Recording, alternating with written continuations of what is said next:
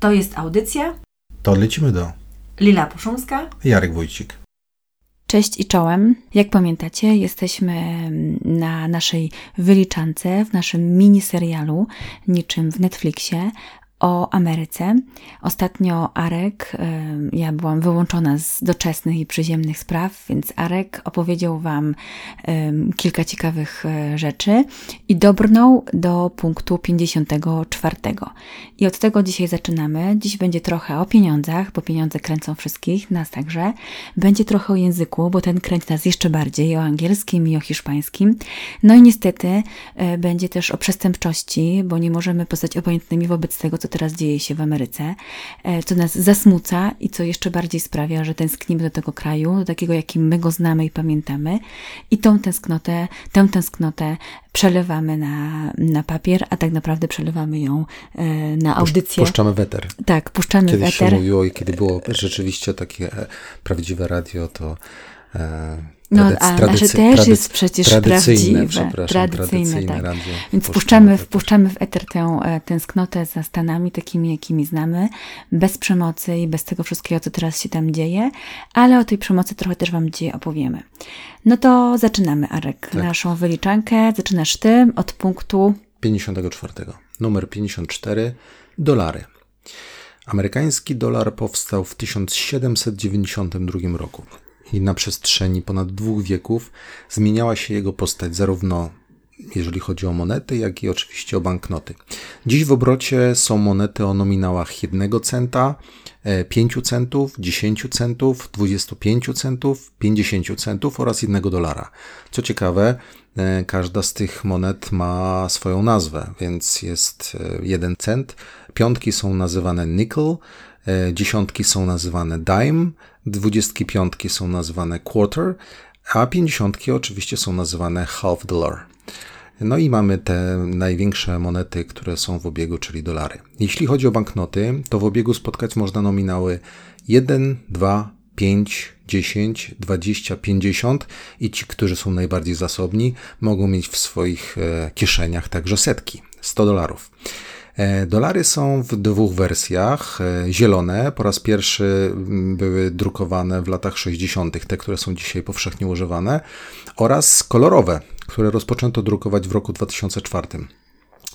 Nowe banknoty, zwłaszcza te wprowadzone w 2013 roku, taki najbardziej znany banknot 100-dolarowy, są już coraz mniej zielone, coraz bardziej tam te kolory wpadają w czerwienie, w pomarańcze, ale też są coraz lepiej zabezpieczone. I w obiegu dzisiaj są zarówno banknoty nowych wzorów, jak i y, one są z takimi większymi głowami prezydentów, jak i banknoty starsze. Więc y, nie zdziwcie się, jeśli ktoś wam w sklepie wyda i później w portfelu będziecie mieć e, różnie wyglądające banknoty o tym samym nominale. Strasznie wszystko skomplikowane, ale może przejdziemy teraz do łatwiejszych tematów, czyli do monet, bo te przydają się w Stanach bardzo, zwłaszcza jeżeli chodzi o pralnie, parkomaty, myjnie, już wszelkiego rodzaju maszyny z napojami, z przekąskami. To jak to jest z tymi monetami, Jarek? Tak, no w Polsce bardzo popularne jest korzystanie z kart kredytowych, nawet kupując bardzo drobne rzeczy, na przykład w jakichś automatach. W Stanach, w Stanach Zjednoczonych to tak bardzo popularne nie jest i trzeba mieć monety.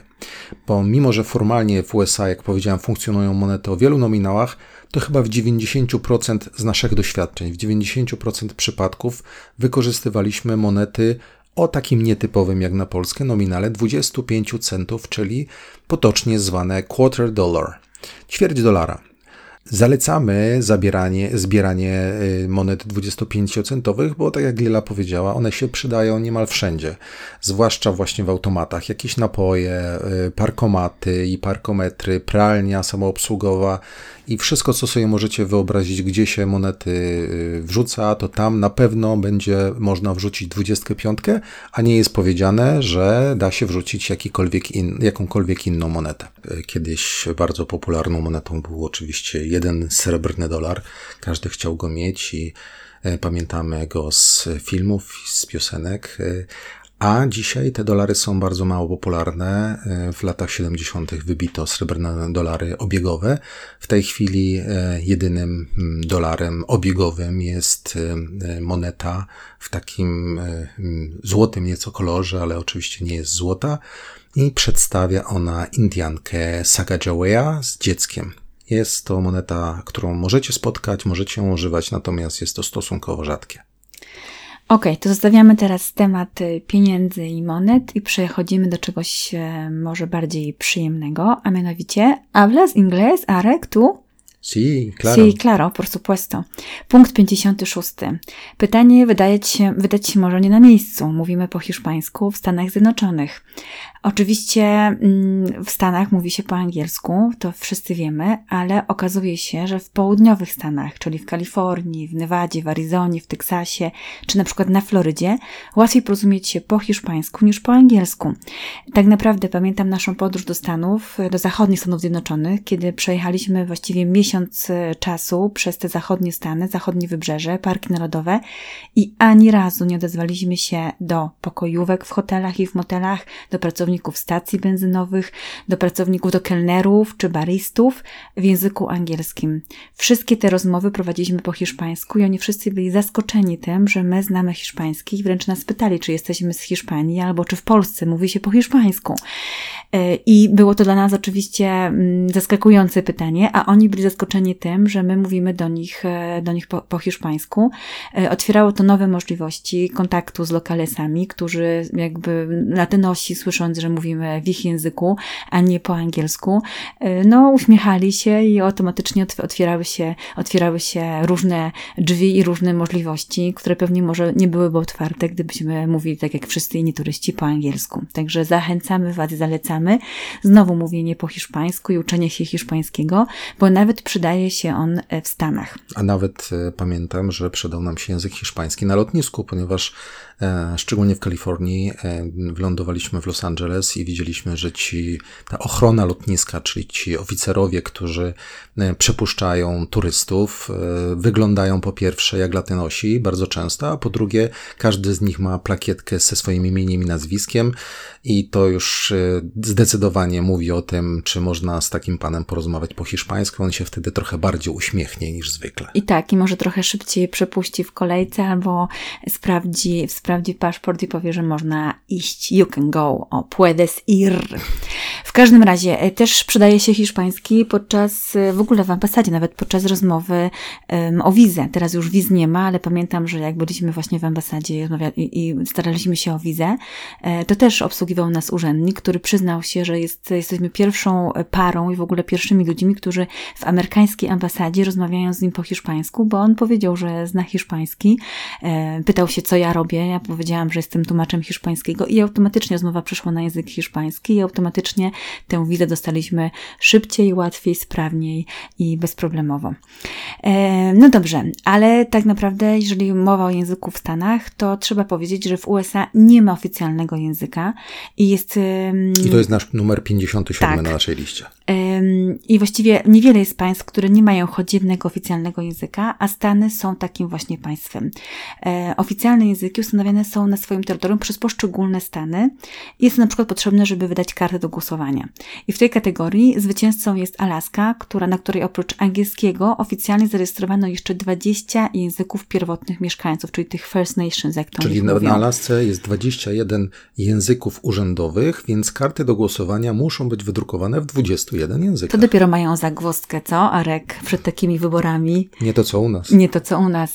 E, no i tak, oczywiście zdecydowana większość Amerykanów mówi po angielsku, ale na przykład właśnie 14% mówi po hiszpańsku. Język polski jest na 15 miejscu pod względem liczby obywateli USA, e, którzy się nim posługują e, i to zaraz po włoskim, zdaje się, tak? Tak, zdaje się, że zaraz po włoskim. Oczywiście wcześniej są języki takie jak e, hinduski, ale tak, angielski oczywiście króluje. Na drugim miejscu 14% w całych Stanach Zjednoczonych to jest język hiszpański, więc na południu ten odsetek będzie bardzo, bardzo dużo, dużo wyższy. W każdym razie, co teraz, Arek? Teraz pouczymy się trochę amerykańskiego, angielskiego. Ty no, jesteś tym znawcą. Mo może pouczymy się, to dużo powiedziane, ale nasz numer 58 to American English, czyli amerykański angielski. No, jak już wszyscy wiemy, y, Amerykanie głównie mówią y, po angielsku, ale mówią zdecydowanie inaczej niż Anglicy. A w Polsce najczęściej uczymy się właśnie wersji pochodzącej z wysp. Tak, to jest takie to RP pronunciation, którego ja uczyłam się na anglistyce wieki temu. Tak, i najczęściej te różnice są nieistotne dla turysty e, i dogadamy się oczywiście w Stanach Zjednoczonych, e, mówiąc po brytyjsku, ale zdarzają się ważne słowa, których powinniśmy się nauczyć albo być przynajmniej ich świadomych w wersji amerykańskiej, e, jeżeli jedziemy tam turystycznie. Jakieś przykłady. Więc numer jeden, jeśli recepcjonistka w hotelu mówi, że nasz pokój jest na drugim piętrze, to jest to polskie pierwsze piętro. To będzie second floor, ale to będzie tuż nad parterem. Czyli taki first floor. W Stanach Zjednoczonych nie ma parterów po prostu. I first floor to jest y, poziom, na, który jest, na którym jest recepcja. E, jeśli macie wjechać na piętro windą, to użyjecie elevator, a nie lift, jakby to było w Wielkiej Brytanii. Jeśli chcecie nalać kranówki do butelki, e, to zapytajcie o faucet, a nie o tap. To już w ogóle jakieś mega skomplikowane. Ja nawet, nawet chyba tego się nie uczyłam na anglistyce, Arek. Nie wiem skąd to wziąłeś.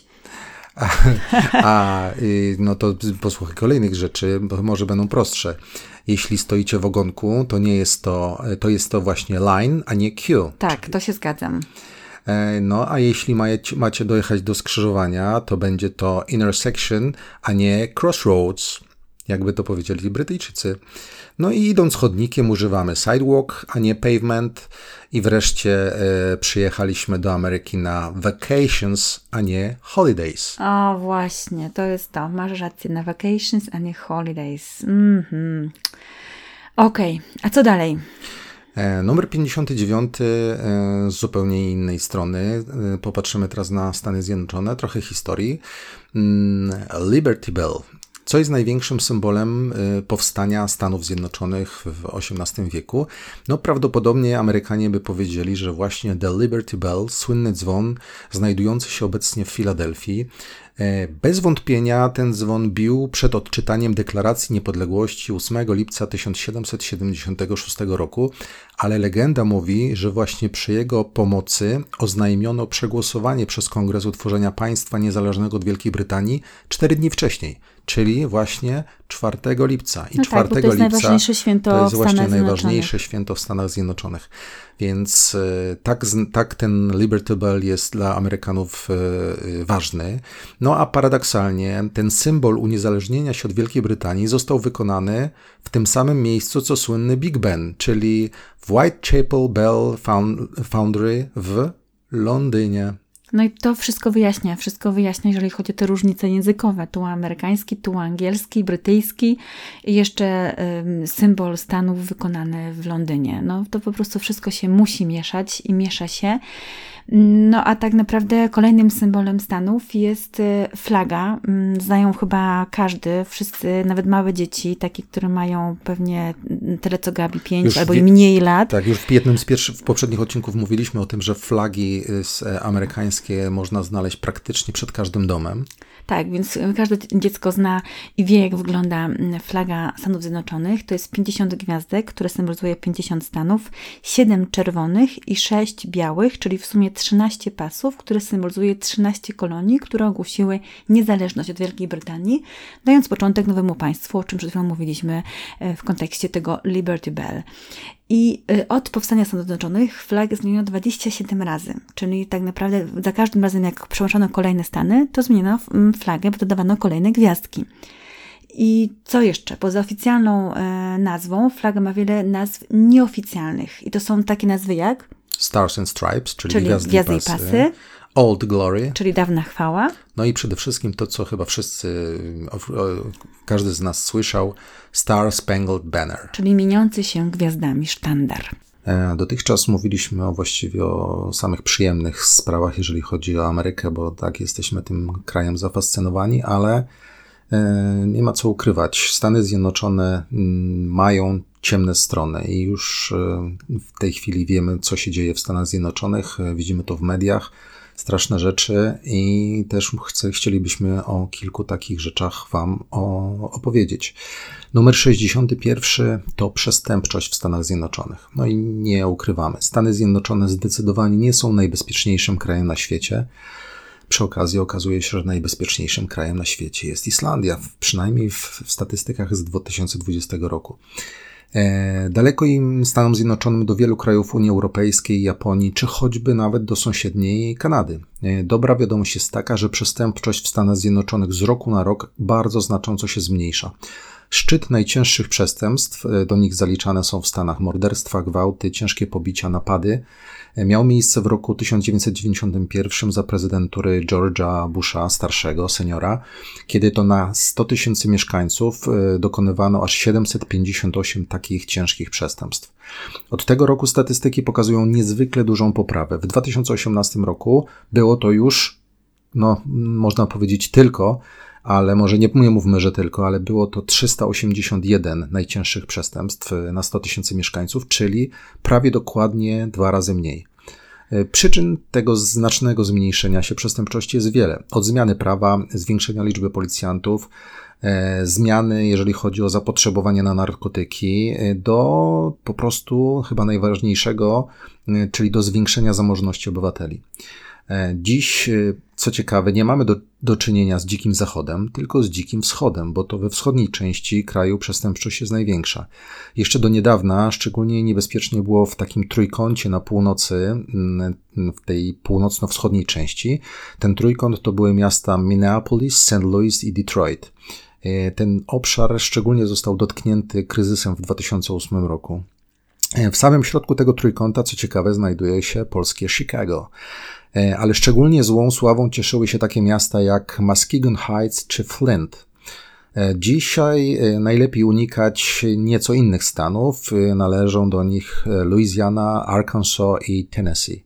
Najbezpieczniejsze rejony Stanów Zjednoczonych to nadatlantyckie stany od Virginii na południu po Maine na północy, czyli wszystkie te stany, które leżą nad brzegiem Atlantyku, są uznawane za najbezpieczniejsze stany w Stanach Zjednoczonych. No tak naprawdę skąd to wszystko się bierze, y, ta przestępczość? Chyba tak myślimy sobie, że oprócz y, tych czynników socjologicznych, tego, mm, tego, tej zamożności, y, liczby policjantów, zmiany prawa, trochę to wynika też z dostępu do broni, który jakby w Stanach no, jest prawie że powszechny jest i o tym mówi tak. punkt 32, czyli właśnie właśnie dostęp do broni. E, zgodnie z drugą poprawką do Konstytucji Stanów Zjednoczonych, każdy obywatel ma prawo do posiadania i noszenia broni. Istnieje dodatkowo e, bardzo wiele aktów prawnych, zarówno na poziomie tym ogólnoamerykańskim, czyli tak zwanym poziomie federalnym, jak i na lokalnym, stanowym, czy nawet na poziomie hrabstw, które regulują już bardziej precyzyjne zasady, na jakich Amerykanie mogą stać się właścicielami broni, kto może sprzedawać itd. Tak itd. No i najprościej mówiąc, uwzględniając te wszystkie akty prawne, każdy obywatel USA może posiadać broń, chyba że jest kryminalistą.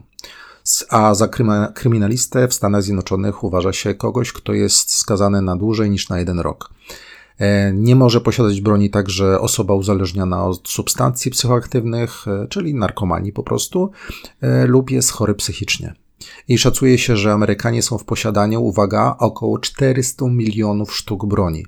To jest więcej niż jedna sztuka na przeciętnego obywatela, wliczając w to staruszków i niemowlaki posiada broń około 40% gospodarstw domowych. I od wielu lat, jak pewnie wiecie, trwa w kraju dyskusja dwóch grup: zwolenników ścisłej kontroli broni i ograniczenia jej dostępności oraz zwolenników pełnej wolności w tym zakresie.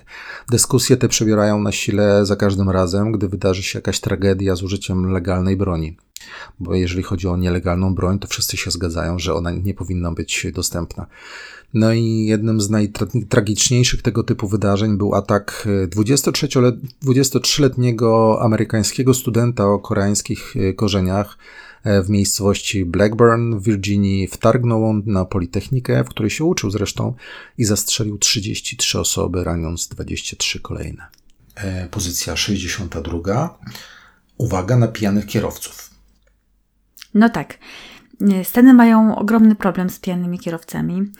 Statystyki pokazują, że kraj regularnie znajduje się w niechlubnej pierwszej piątce pod względem wypadków z udziałem pijanych kierowców. Najgorsze są stany Montana, Teksas i Alaska. I właśnie na Alasce, pewnie dlatego, że taki klimat surowy i chyba nie za wiele jest co robić, e, tych kierowców, pijanych kierowców jest najwięcej.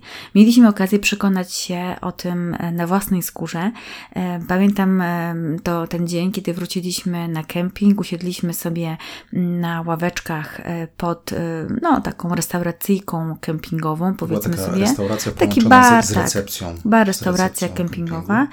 I w pewnym momencie widzimy, jak z tego baru wręcz wytacza się pijany, taki pięćdziesięcioparolatek. Jegomość. Jegomość i wsiada do samochodu. Oczywiście był odpowiednio ubrany, miał skórę, miał kapelusz, taki prawdziwy cowboy alaskański. Tak i tak, alaskański front, front, frontman.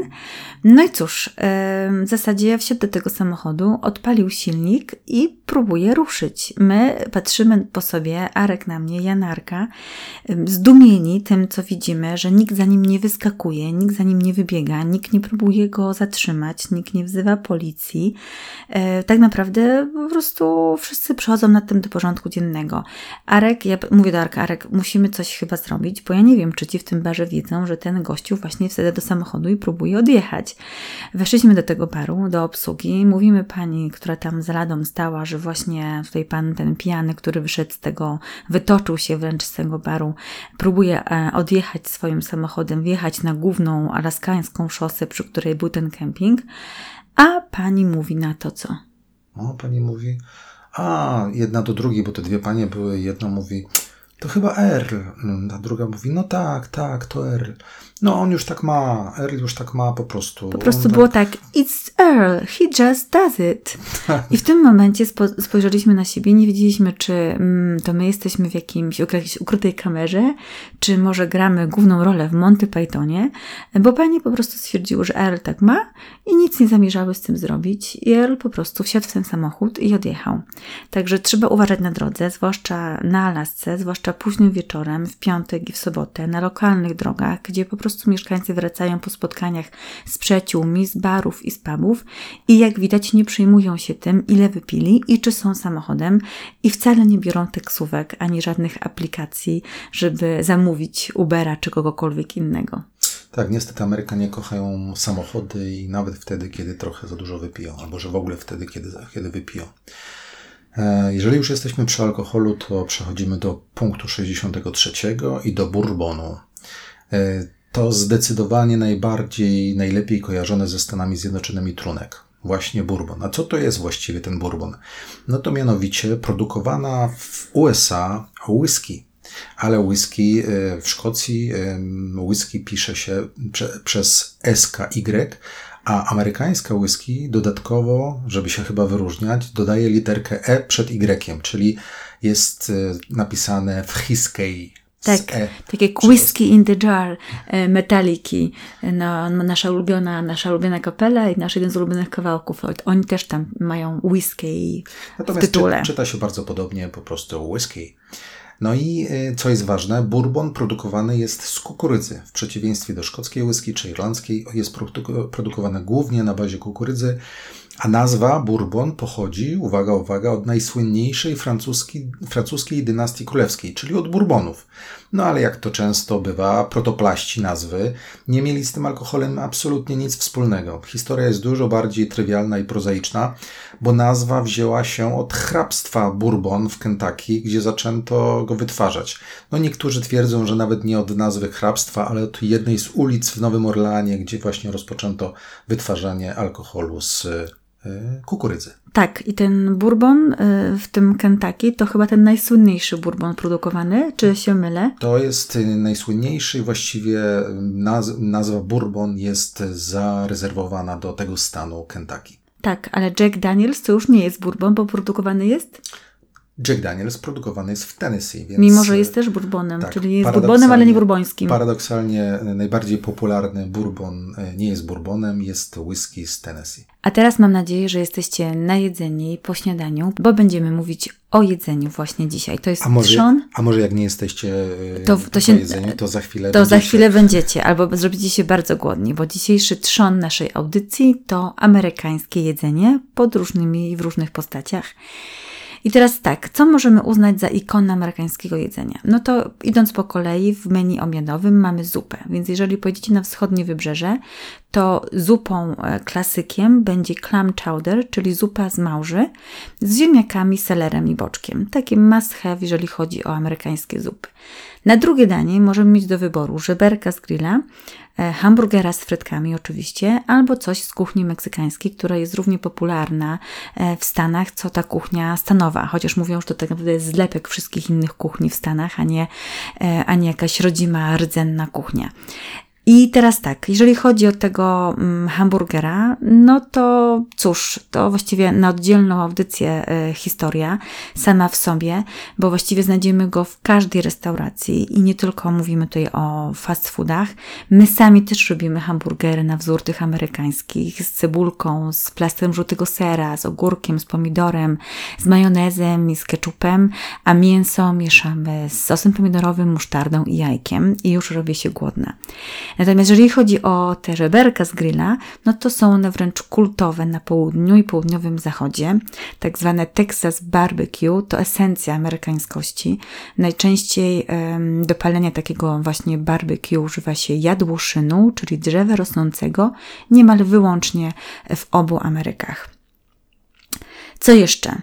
E, mamy jeszcze bary szybkiej obsługi, czyli Taco które znajdują się dosłownie wszędzie. Jest ich niemal 6 tysięcy w stałych Stanach i one właśnie oferują te meksykańskie tacos i to meksykańskie, te naleciałości kuchni meksykańskiej e, w Stanach.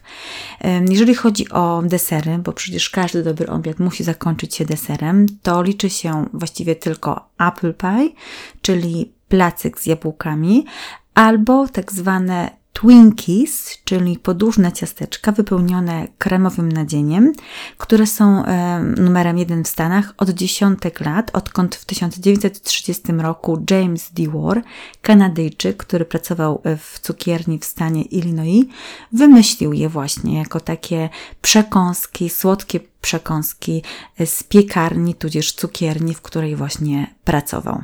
I jak jesteście już głodni, jak jesteście, to zostańcie z nami, bo jeszcze powiemy o ikonie wśród restauracji. No chyba domyślacie się, o czym będzie, o czym będzie mowa. Czyli numer 65 dla nas e, w naszy, na naszej liście to właśnie ikona wśród restauracji. Tada, tada, tada.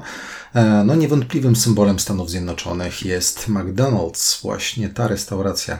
Dzisiaj w całym kraju, czyli w całych Stanach Zjednoczonych, znaleźć tych restauracji możemy niemal 14 tysięcy. 14 tysięcy restauracji McDonald's w, całych w samych Stanach Zjednoczonych. A pracuje w nich ponad 200 tysięcy ludzi. No to jeden z największych e, Pracodawców. pracodawców w Stanach No Zjednoczonych. chyba zdecydowanie. Walmart, Walmart, o którym też Tak, mu- Walmart mówiliśmy, czy większym, powiemy. Ale na pewno McDonald's jest w, w czołówce ścisłej. Więc pierwsza restauracja e, McDonald's przez, powstała w 1940 roku e, w miasteczku San Bernardino w Kalifornii. A słynne logo powstało dopiero 13 lat później, w 1953 roku. No i są takie głosy, że jest e, właśnie dlatego takie dobre i tak bardzo rozpoznawalne, bo przypomina widziany z góry damski biust. Nie wiem zupełnie z której strony i nie wiem komu to się tak kojarzy, ale mnie na pewno nie. I tutaj czekamy na Wasze głosy pod audycją, co Wy na ten temat myślicie, bo te, to słynne M ma podobno przypominać e, damski biust. No i dziś e, oczywiście McDonald's jest ob, e, widoczny wszędzie na całym świecie. Jest e, zjeść w McDonaldzie możemy w ponad 100 krajach na całym świecie. A my wracamy do naszej listy, do naszego zestawienia i kontynuując temat jedzenia i zakupów jedzeniowo-spożywczych, powiemy Wam jeszcze o tym, że Stany są jednym z największych producentów żywności i to jest punkt 66, który właśnie mówi o tym, że Stany produkują najwięcej żywności na całym świecie. Jest to dzięki, głównie dzięki efektywności przemysłu spożywczego, ale także pewnie dzięki powszechnemu wykorzystywaniu GMO, niestety. I teraz, żeby Wam unaocznić, jaka jest skala produkcji spożywczej, produkcji żywienia w Stanach, to powiemy, że tylko w stanie Kansas rocznie produkuje się tyle pszenicy, że wystarczyłaby ona do wyżywienia całej ludzkości przez dwa tygodnie. Także to są te, to jest ta skala, na którą Stany produkują ży, e, żywność i właściwie na którą, która mm, jakby widoczna jest w całych Stanach, bo one, oni wszystko robią na maksa i strasznie dużo wszystkiego. I też właśnie są światowym producentem innymi kukurydzy, soi, borówek e, czy migdałów i hodują najwięcej na świecie indyków. To już nie dziwi, jeżeli weźmiemy pod uwagę święto dziękczynienia i to, ile tych indyków tam się tak, tego e, zjada tego dnia. z nich jest. Ale ciekawostką może być to, że największym producentem Stany są również mleka krowiego, bowiem co szósty litr mleka wyprodukowanego na świecie pochodzi właśnie ze Stanów Zjednoczonych. No to wiemy, że w Stanach e, dużo żywności się produkuje i dużo żywności się sprzedaje. Wszystko możemy kupić więc nie przewozimy żywności ze Stanów Zjednoczonych. Nasz punkt 67 to jest czego nie przywozić z Polski. E, dlatego, że nie wolno, nie dlatego, że nie warto. Więc generalna zasada jest taka: nie przewozić niezapakowanych fabrycznie produktów żywnościowych. Dotyczy to szczególnie surowego mięsa, świeżych owoców, warzyw, nasion i roślin. Ameryka Amerykanie E, szczególnie dotyczy to tych stanów, w których rolnictwo jest jedną z podstawowych gałęzi gospodarki, jak na przykład Kalifornia. Są bardzo, ale naprawdę bardzo wyczuleni na ryzyko zarażenia rodzimych upraw pasożytami czy grzybami przywiezionymi z zagranicy. Więc e, absolutnie nie należy takich rzeczy przywozić, bo po prostu w najlepszym wypadku każą nam je wyrzucić. I, z ciekawostek, oprócz tej żywności, niektóre rzeczy y, nie będące żywnością są traktowane specjalnie, na przykład ceramiczne, ceramiczne sztućce. Stany Zjednoczone ściśle kontrolują wwóz właśnie takich rzeczy, ponieważ y, one są wytwarzane w biedniejszych krajach i często z użyciem ołowiu. E, podczas używania takich sztućców ceramicznych ołów dostaje się do naszego organizmu i go zatruwa i używać należy je wyłącznie do dekoracji. I teraz, e, kiedy będziemy lecieć samolotem, e, dostaniemy deklarację celną, i w tej deklaracji celnej lepiej zaznaczyć, że wwozimy jakąkolwiek żywność. E, jeśli oczywiście mamy taką żywność ze sobą. Nawet jeżeli ją mamy zapakowaną, to lepiej napisać, że zapakowana żywność. Wtedy ten inspektor zapyta, co mamy, najczęściej machnie ręką i nas przepuści. Ale widzieliśmy, jak wygląda, ile trwa kontrola bagażu w przypadku jakichkolwiek wątpliwości. No, nie radzimy nikomu, żeby taką kontrolę przechodziło przechodzili. E, a co jeśli nie zgłosimy któregoś z zakazanych lub e, podlegających kontroli produktów? No, jeśli zostaniemy na tym przełapani, to dostaniemy grzywnę. I ta grzywna wyniesie za pierwszym razem przełapania nas na takim czymś 300 dolarów, a za drugim, to już recydywa, dostaniemy grzywnę w wysokości 500 dolarów. No tak, czyli zdecydowanie nie opłaca się przywozić do Stanów jedzenia ani tych ceramicznych sztućców. Tym bardziej, że to wszystko tam jest na miejscu i naprawdę wszystko można tam e, kupić w tym słynnym Walmartie, o którym już kiedyś była, była mowa. A kiedy w ogóle e, najlepiej jechać do Stanów? No teraz wiemy, że jest e, COVID i koronawirus, więc e, i poza tym nie latają samoloty, więc pewnie nie prędko, ale jak już wszystko się odmrozi, a i tam uspokoi się sytuacja, to najlepiej pojechać, no właśnie, Kiederek. No, zdecydowanie najlepszym okresem w ciągu roku to jest środkowa i późna wiosna oraz wczesna jesień. W Kalifornii w kwietniu możemy się spodziewać temperatury jakieś 20-24 stopnie, czyli dla nas idealna temperatura, a deszczu najprawdopodobniej e, zobaczymy deszcz raz w tygodniu i to bardzo słaby. Na północy Stanów, na przykład w stanie Wyoming, tam gdzie jest Park Narodowy Yellowstone, w czerwcu e, będzie przyjemnie ciepło już wtedy. 23 stopnie, no pada trochę więcej, no ale tam zawsze trochę więcej pada, bo 9 dni w miesiącu, czyli co 3-4 dni możemy się spotkać z deszczem. A jeżeli chodzi o wschodnie wybrzeże, w Miami, w stolicy amerykańskiego lata, w kwietniu, czyli wiosną, poopalamy się przy temperaturze 28 stopni, a uciekać przed deszczem będziemy musieli w ciągu 6 dni, może w tym miesiącu. Czyli ma prawdopodobieństwo znikome. Tak jest. Nowy Jork we wrześniu zaoferuje nam 24 stopnie i 9 deszczowych dni, więc to są zdecydowanie najlepsze miesiące. Czyli wczesna jesień już przed nami, już miejmy nadzieję po covid a może właśnie w Stanach Zjednoczonych. Zachęcam Was do tego bardzo serdecznie i bardzo gorąco. Mówiliśmy, kiedy jechać do Stanów Zjednoczonych, a nasz numer 69 nazywa się Kiedy do USA nie jechać. Tak, kiedy nie jechać. No, trzymamy się zasady, że nie ma złej pogody, jest tylko nieodpowiednie ubranie, ale niestety są takie momenty w życiu, w roku w Stanach Zjednoczonych, kiedy nawet ciepłe ubranie, czy odpowiednie ubranie na deszcz na przykład, nam e, nie pomoże. Wiosna wszędzie jest piękna, parki narodowe pewnie wyglądają pięknie jesienią i zimą, kiedy widać zwierzynę na śniegu, ale chyba najgorszą porą na zwiedzanie USA jest środek e, lata, bo powinniśmy wziąć pod uwagę inne czynniki, których my tu w Europie niemal nie znamy, a mianowicie huragany i tornada. Huragany to są gigantyczne wiry powietrza, które powstają nad Atlantykiem i wędrują często w kierunku lądu i tam na tym lądzie wyrządzają olbrzymie straty. I tak, jeżeli prędkość wiatru przy Ziemi przekracza, nie przekracza 33 metrów na sekundę, e, czyli to jest jakieś 120 km na godzinę, to taką wichurę nazywa się sztormem tropikalnym, a jeżeli jest szybszy, czyli więcej niż 121 km na godzinę, to staje się on huraganem. No i pamiętamy pewnie wszyscy najbardziej niszczycielski huragan, który uderzył w USA e, i to była Katrina w 2005 roku. Doprowadziła do śmierci ponad 1200 osób i wyrządziła ogromne straty, które są szacowane, były szacowane na 125 miliardów dolarów. Mm, z oczywistych powodów huragany docierają tylko do nadatlantyckich stanów, czyli do mm, Luizjany na południu, poprzez Florydę, Georgię, aż do Karoliny Południowej i pojawiają się co roku w okresie od połowy sierpnia do końca października, czyli trzeba unikać wyżej wymienionych stanów właśnie w tym okresie, od połowy sierpnia do końca października. To huragany to jest pierwsza część łamigłówki pogodowej, bo druga część nazywa się tornado. I to zupełnie inny temat. Co ciekawe, w Stanach Zjednoczonych pojawiają się tornada znacznie częściej niż w jakimkolwiek innym państwie na świecie. E, szacuje się, że rocznie takich tornad, e, dosyć na tyle dużych, żeby zostały sklasyfikowane, jest około 1200, czyli naprawdę bardzo dużo. Tornada pojawiają się głównie w dwóch częściach Stanów Zjednoczonych. Pierwsze to tak zwana Aleja Tornad, a jakże, i ciągnie się z południa mm, na północ. Zaczyna się gdzieś w, w północnym Teksasie i pędzi przez Oklahoma, Kansas, Nebraskę, obie Dakoty, aż do granicy kanadyjskiej.